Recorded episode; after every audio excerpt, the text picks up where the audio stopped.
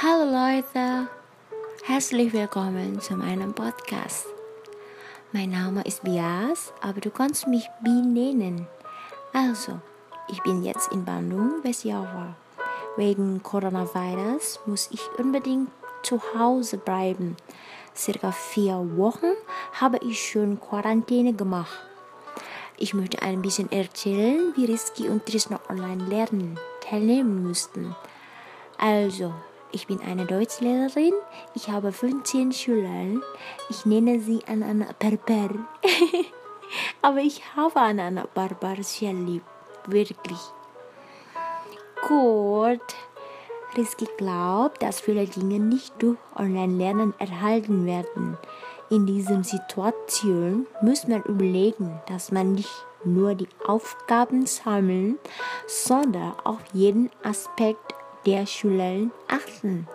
Ich stimme Rizky zu, weil ich die Situation der Schüler richtig achten müsste. So kann die Lehrerin richtige Bewertung machen. Trishna denkt, wenn er zu Hause beim Lernen ist, kann er seine Lehrerin nicht direkt im Detail fragen. Er langweilt sich, wenn er immer zu Hause beim Lernen muss. ist immer Trisna so. Trisna ist sehr aktiv in der Klasse. Er fragt immer, wie immer. Die Situation von Trisno Heimatland ist noch nicht gut geläuft. Die Schüler haben immer mehr draußen gespielt. Das ist ziemlich blöd, wirklich. Sie können auch nicht so gut konzentrieren, um online zu lernen. Es gibt auch manchmal keine gute Verbindung in seinem Heimatland, um Internet zu surfen. Okay.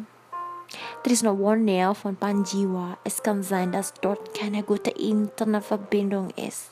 Schade.